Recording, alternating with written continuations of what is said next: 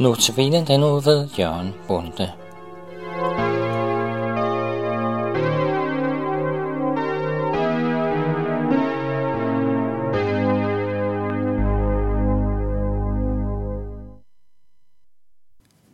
Jeg byder igen velkommen til denne notabene, og jeg hedder stadigvæk Jørgen Bunde, og jeg har stadigvæk taget mit udgangspunkt i forskellige kapitler i Esajas' bog. Og i dag handler det om Esajas' 12. kapitel, som står på side 615 i den autoriserede udgave fra 92. Og jeg vil læse hele kapitlet, for det er ikke ret langt, og det er meget indholdsmæssigt, synes jeg. Det har fået overskriften til frelste Israels lovsang. Og så står der, på den dag skal du sige, jeg takker dig, Herre, du var vred på mig, men din vrede lagde sig, og du trøstede mig. Gud er min frelse, jeg er tryg, jeg frygter ikke, for Herren er min styrke og lovsang, han blev min frelse. I skal øse vand med, kilde, med glæde af frelsens kilder. På den dag skal I sige, tak Herren, påkald hans navn. Kun gør hans gerninger for folkene. Forkynd, at hans navn er ophøjet. Lovsyng Herren, for store ting har han gjort. Det skal hele jorden vide. I som bor på Sion skal juble og råbe af fryd, for Israels hellige er stor iblandt jer. Amen. Ja, jeg synes, der er et par nøglevers i det kapitel, jeg lige læste.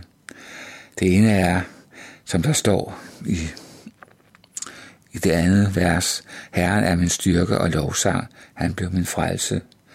Og så er der også vers 3, I skal øse vand med glæde af frelsens kilder.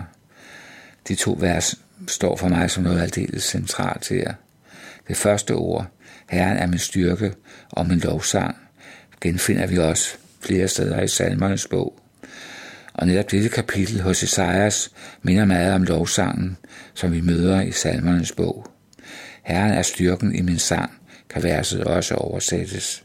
Dette er lovsang, og her i det andre vers siges der noget om, hvad det fører til at kende Herren og have set, hvad det betyder, at Herren er ens styrke. Det fører til det andet vers, som jeg synes er centralt, vers 3. I skal føre øse vand med glæde af frelsens kilder. Frelsens kilder, hvad er det? Må vi spørge. Svaret er vel, at det er kilden til menneskers frelse, for Isaiah selv, såvel som for andre mennesker. Det er evangeliet om Jesus, som skulle fødes som menneske, og siden korsfæstet for at være vores stedfortræder og den, der har sonet vores synd. Vi opfordres til at øse af frelsens kilder og gøre det med glæde. Når vi øser af frelsens kilder, gør vi det dels til vores eget brug, for selv at blive frelst. Det er livsnødvendigt, at vi hører evangeliet, også igen og igen, for at vi kan blive bevaret i troen. Men især sammenhæng med det følgende vers gør det klart, at verset også handler om mission. Det er at nå andre mennesker med evangeliet. Vi kan nævne vers 4, kun gør hans, altså Guds gerninger blandt folkene, og forkynd, at hans navn er ophøjet. Og vers 5, og hele jorden skal vide besked. Altså er det ikke bare over for Israels folk, at Guds gerninger skal forkyndes. Der skal forkyndes om Guds frelse for alle jordens folkeslag. Det er kaldt til mission ud over hele jorden. Men så er der vers 6, som antyder, at det er Israels folk, der skal gå ud til folkene med budskabet om frelse. Måske tales der om en fremtidig situation, hvor hele Israel er frelst, kan vi tænke os. Vi ved det ikke, for det er noget, der hører fremtiden til. Men jeg får også den eftertanke, at det samme Esajas, som vi jo hørte om i kapitel 6, som havde fået til opgave at tale til sit eget folk, som de kom endnu længere ud i frafald fra, fra Gud, at det samme Esajas, som her taler om, at frelsen skal nå ud til alle jordens folk. Esajas så måske, at nu var tiden inde til, at hedningerfolkene skulle nås med ordet om Jesus, fordi Guds eget ejendomsfolk åbenbart ikke ville tage imod ordet.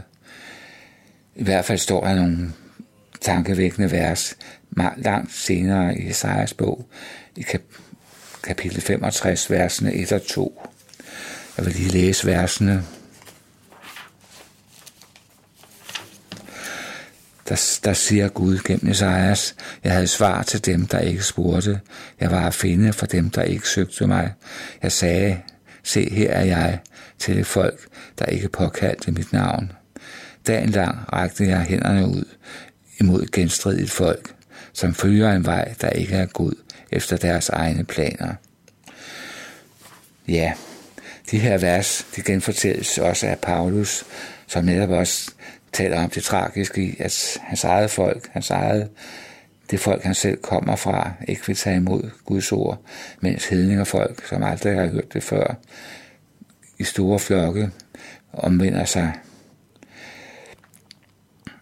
Israels folks frafald skulle åbenbart betyde starten på missionen blandt andre folk i verden.